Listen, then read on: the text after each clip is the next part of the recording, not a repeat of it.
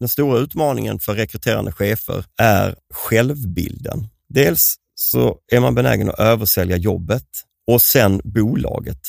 Är det här bolaget verkligen bäst i klassen? Vad har man för koll på omvärlden? Alla de sakerna tenderar att göra kandidater besvikna och att således engagemanget går ner. Hur kan man jobba med medarbetarengagemang redan på rekryteringsstadiet? Hur kan man se om en kandidat är en person som kommer att göra det där lilla extra? Det är det som ibland är lite svårt att sätta ord på. Välkommen till en Frankly och People First podcast. Jag heter Kristoffer Sandberg och idag pratar vi om just det här, engagemang och rekrytering. Varmt välkommen!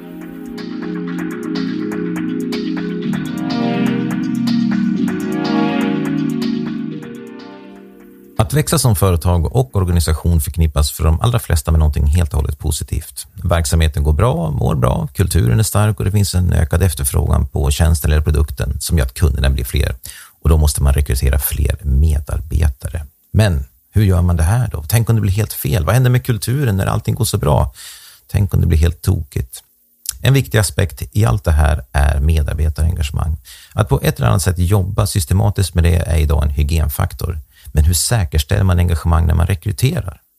För att hjälpa oss att navigera med de här frågorna så gästas vi idag av Filip Strömbäck. Välkommen! Tack Kristoffer! Du är, eh, kort bakgrund, du är en av grundarna och motorn bakom Exprang som är en rekryteringstjänst. Ja. Där ni tittar på kandidater och kompetens på ett annorlunda sätt. Kan du kortfattat beskriva vad det här handlar om? Absolut. Kortfattat så är det så att vi ser till att få fram de mest relevanta kandidaterna till ledaruppdrag som är vårt fokus då oavsett bakgrund, riktigt snabbt. Vi har någon sorts ambition att eh, få bukt på det här engagemangsproblematiken som finns. och att vi har en absolut majoritet av ledare som inte är engagerade i sitt jobb. Eh, och genom att försöka få fram eh, ur kandidatdatan vad man motiveras av, vad man har för ambitioner, så hoppas vi kunna matcha mycket mer hållbara eh, till mycket mer hållbara rekryteringar än när man jobbar med det här traditionellt. Och traditionellt så funkar det som så att en firma kontaktar en eh, person om ett jobb eh, och redan där så sminkar ju båda parter upp sig eh, lite. Arbetsgivaren presenterar, översäljer, kandidaten blir smickrad, översäljer och man bortser lite från vad som egentligen motiverar och engagerar de här två individerna. Plötsligt sitter man där i, för, och har blivit liksom smickrad till ett, ett nytt jobb. Är det här ett vanligt eh, traditionellt problem som du beskriver här? Ja, men det är det. Ja. Det, är en, det är en vanlig risk också. Jag ska, tänkte komma tillbaka till det sen, hur man gör. Man traditionellt gör ett urval eller sourcar fram kandidater. Ja. Men mycket handlar ju om trygghetssökande i vad personer har gjort. Mm. När man tittar på CVn och liknande. Och bara för att man har varit i CFO i, i tio år så betyder inte det att det är det man motiveras av att göra i nästa steg. Ja, men det vi gör i alla fall, vi, vi har byggt en matchningsmotor som, som matchar eh, kandidater i vår egen databas eh, med jobb som läggs upp på vår plattform. Okay, och så, så sker det här helt automatiskt och så sourcar vi fram de här mest relevanta kandidaterna till till kunderna. Okej, okay, men du har kunderna att det handlar om kanske snabba eller uppdrag. Vad, vad handlar det där om? Nej, men det handlar ju om att i, eh, i traditionell rekrytering så, när du, så tar det tre, fyra veckor att få fram en lista på kandidater som du kan mm. intervjua.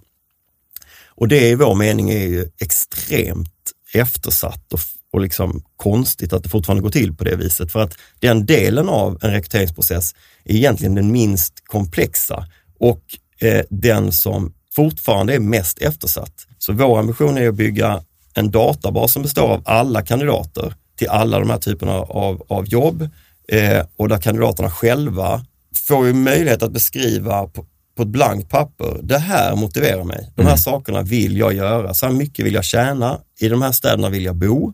I den här funktionen trivs jag. Eh, jag gillar inte de här industrierna. Eh, ett bolag som jag vill jobba i bör vara litet i tillväxt, mm. eh, kanske i den här sektorn. Eh, allt som är liksom framåtriktat. Mm. Det är data som inte finns i din LinkedIn-profil. Eh, utan där får jag gissa mig fram till om du passar eller inte baserat på vad du har gjort. Då. Eh, Men du, du tassar på att det är någon slags ärligare liksom, möte som Det blir ärligare möte eh, för att du som kandidat har inte ett jobb framför dig. Nyckeln till att få fram den här ärliga datan det är att ha kandidatdatan anonym. Ja. Så det har ju blivit lite vår USP då, att all kandidatdata är anonym fram okay. tills att man själv vill träffa en uppdragsgivare.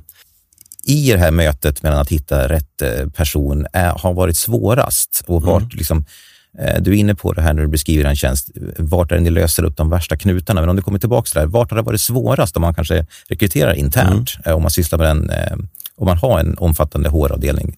Vad upplever du är deras stora problem? Det svåraste generellt i en rekryteringsprocess är ju själva urvalsprocessen, assessment och att få grepp om eh, liksom fitten på slutet, den djupa analysen. Mm. Det har jag full respekt för och den, den, den sker ju i, i varierad grad. Det är människor, eh, det är väldigt rörlig materia, mm. finns inga garantier till någonting. Eh, men man kan göra så gott man kan för att trygga mm. sig själv i att det är rätt beslut. Vi var inne på det här lite tidigare kring eh, hur man kan identifiera engagemang i en process. Eh, och när man nagelfar det här och verkligen sätter lupp på det här, kan man hitta tecken på medarbetarengagemang redan i CV-stadiet eller behöver man ses fysiskt, ett fysiskt möte med kandidaten för att verkligen säkerställa de här faktorerna? Ja, det är väl egentligen det här som är det, det största problemet i traditionell rekrytering, att tecken på engagemang börjar ju långt innan CV. Och, och CV-screening är ett rätt dåligt sätt att, att få fram den här typen av liksom, information. Mm. Plus att vi har en tendens att övertolka eh, en CV. Vi lägger värderingar i om det har varit många hopp. Man har ja. bytt arbetsgivare ofta. Är det ett tecken på att en kandidat eh, gillar nystart, eh, omstart, kanske är bäst på i början av processer. Vi lägger mm. in massa värderingar i det. Eller så värderar vi det som att ja, men det här är en, eh, en person som, aldrig, som alltid misslyckas, mm. eh, som aldrig klarar av att behålla ett jobb, som får gå vidare till nästa. Så vi tolkar jättemycket i en CV. Och då uppe menar jag, om jag läser mellan raderna här, då missar man verkligen tecken på engagemang, eller man feltolkar det. Exakt, och vi lägger in så mycket i eh, bolagsnamn, både mm. positivt och negativt, liksom vad, vad, det, vad engagemanget är. Ja, men det här är en typisk storbolagsperson mm. för att den har jobbat på Atlas Copco i x antal år. Så. Ja. Kan mycket väl stämma, men det kan vara helt fel. Engagemang, nu för tiden har vi möjlighet till viss del att försöka fånga engagemang på annat sätt tidigare eh, genom, men, om jag hade varit eh, Telia mm. så hade jag kanske kollat eh, i den i Facebookgruppen som följer Telia. Mm. Uppenbarligen någon som antingen hatar eller älskar eh, bolaget på ett annat sätt. Där kanske det finns kandidater till jobbet som inte har CV som är helt rätt men med lite enkel mm. training kanske den borde passa. Sådär. Det finns ju andra sätt idag Ja. Eh, att hitta engagerade medarbetare. Har liksom rekrytering generellt, har det förändrats mycket på de senaste tio åren tycker du? Liksom, eller ser det ganska likadant ut? Alltså jag tycker inte att rekrytering har inte förändrats. Det som har förändrats det är ju tillgång till historiskt data. Eller vi, det är så många öppna källor och vi vet så mycket om folk, men vi vet fortfarande inte mer om folks ambitioner eller vad de vill göra, vad de motiveras av. Men jag tror att vi lurar oss själva lite i många fall genom att tycka att ja, men vi har LinkedIn, vi har liksom tillgång till alla eh, hur lätt som helst. Men jag skulle säga att det har blivit svårare eh, att hitta rätt. För att det är dels ett stort inflöde på, av folk som egentligen inte alls passar. Eh, det krävs mer resurser internt för att hantera allt det här. Eh, det går snabbare. Eh, kandidater själva byter jobb ofta. Man ser att omsättningshastigheten ökar i mm. alla roller. Men processerna ser typ likadana ut fast med mm. en massa digitala verktyg. Det talas ju ofta om att det är så stor kostnad att rekrytera, att det är ja. viktigt att behålla människor för att det är så. Eh, är det här också en sanning som fortfarande är verklig så att säga? Ja, gud ja. ja. Det, är, det är ju en eh, sinnessjuk kostnad och att rekrytera fel är ju, är ju superdyrt. Ja, det är det, den rädslan som vi sitter här för idag för att prata om. För engagemang, medarbetarengagemang löper som en röd tråd genom allt som har med medarbetarfrågor, välmående, arbetsglädje, kultur och inte minst lönsamhet att göra. Mm. Hur eh, förhåller ni er till begreppet medarbetarengagemang i era processer och i ert arbete? Mm.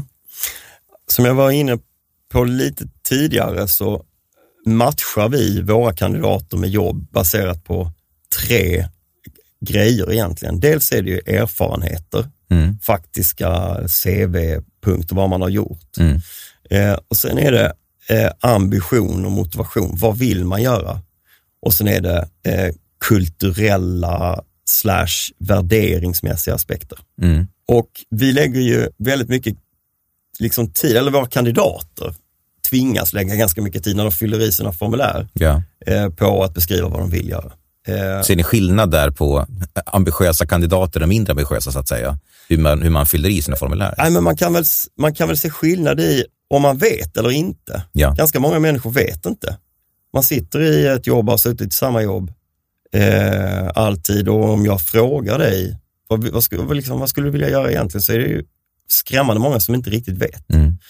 Och där tror jag vi har långt kvar eh, i att inspirera folk och att komma med förslag och mm. det här skulle du kunna få göra eller på ett bättre sätt än vad, än vad vi gör idag. Mm. Men genom att ta hänsyn till vad folk vill göra eller till exempel en sån enkel sak som drömföretag. Mm. Det är en ganska enkel grej för många att nämna ett par, tre stycken bolag som där vill jag jobba. Mm. Då är det mindre viktigt att man jobbar i en funktion som man kanske är bäst i. För då är engagemanget för bolaget eller det produkterna eller vad de nu gör okay. så stort så att mm. då, då väger det. Är det vanligt att man liksom har det lite grann som en... Ja, men det är vanligt. De, de, eh, alla de här bolagen som hamnar högst på eh, employer branding-listor och sådär, ja. de... Eh, ser ni dem också ser? Ja, de, de vinner ju mycket på det här. Folk vet egentligen inte vad jobbet innehåller, men de är så drivna av att jobba där. Ja. Eh, och då, har du, då får du automatiskt ett stort engagemang. Så om jag eh, sammanfattar det här, eh, någon slags ambition, driv och eh, personliga drivkrafter är egentligen en ganska viktig eh, aspekt liksom när ni så att säga eh, pinpointar och försöker leta efter de här liksom, engagemangsgrunden till engagemanget. Ja, och i personlighetsutvärdering och intervjuförfarandet, där skulle jag säga att där blir det viktigt att trycktesta allt det som har med energi att göra. Okej, okay. hur går det till? Nej, men jag, jag är inte specialist på det här, jag skulle egentligen prata med typ Kajsa Asplund på ja, Labs eller något. För, för, och, men psykometriska tester ja. eh, bygger ju oftast på ungefär samma grundbas, de här femfaktormodellen, five forces och extraversion och energi. Var får du din energi ifrån? Mm. Är du en introvert person som trivs bäst när dörren är stängd och du får sitta med, ett, med en forskningsrapport i tre dygn eller är det när du får vara ute och göra interna projekt tillsammans med kollegor eh, mm. på andra avdelningar och sådär. Det kan man ju få hjälp av, av tester för att se liksom var, var, ja, var finns den energin. Och då kompletterar man bilden av ett eventuellt engagemang? Ja, det liksom, skulle jag ja. säga att man gör. Eh, har du varit med om, eller vad är din reflektion kring att eh, man som rekryterande, antingen HR eller chef, att man liksom eh, har en kandidat som i alla steg upplevs vara en fullträff, men på pappret är allting tydligt, men magkänslan säger någonting annat. Vad hamnar man då i för situation? Ja, och vilken, ju, roll, vilken roll spelar engagemanget där? Hur kan man utnyttja det? Den är ju eh, klurig. Min generella bedömning är att om CV ser bra ut mm. och magkänslan är dålig så ska man inte gå vidare. Nej. Men om magkänslan bygger på att CV ser knackigt ut, mm. då tycker jag att man ska våga och gå vidare. För CV är inte allt.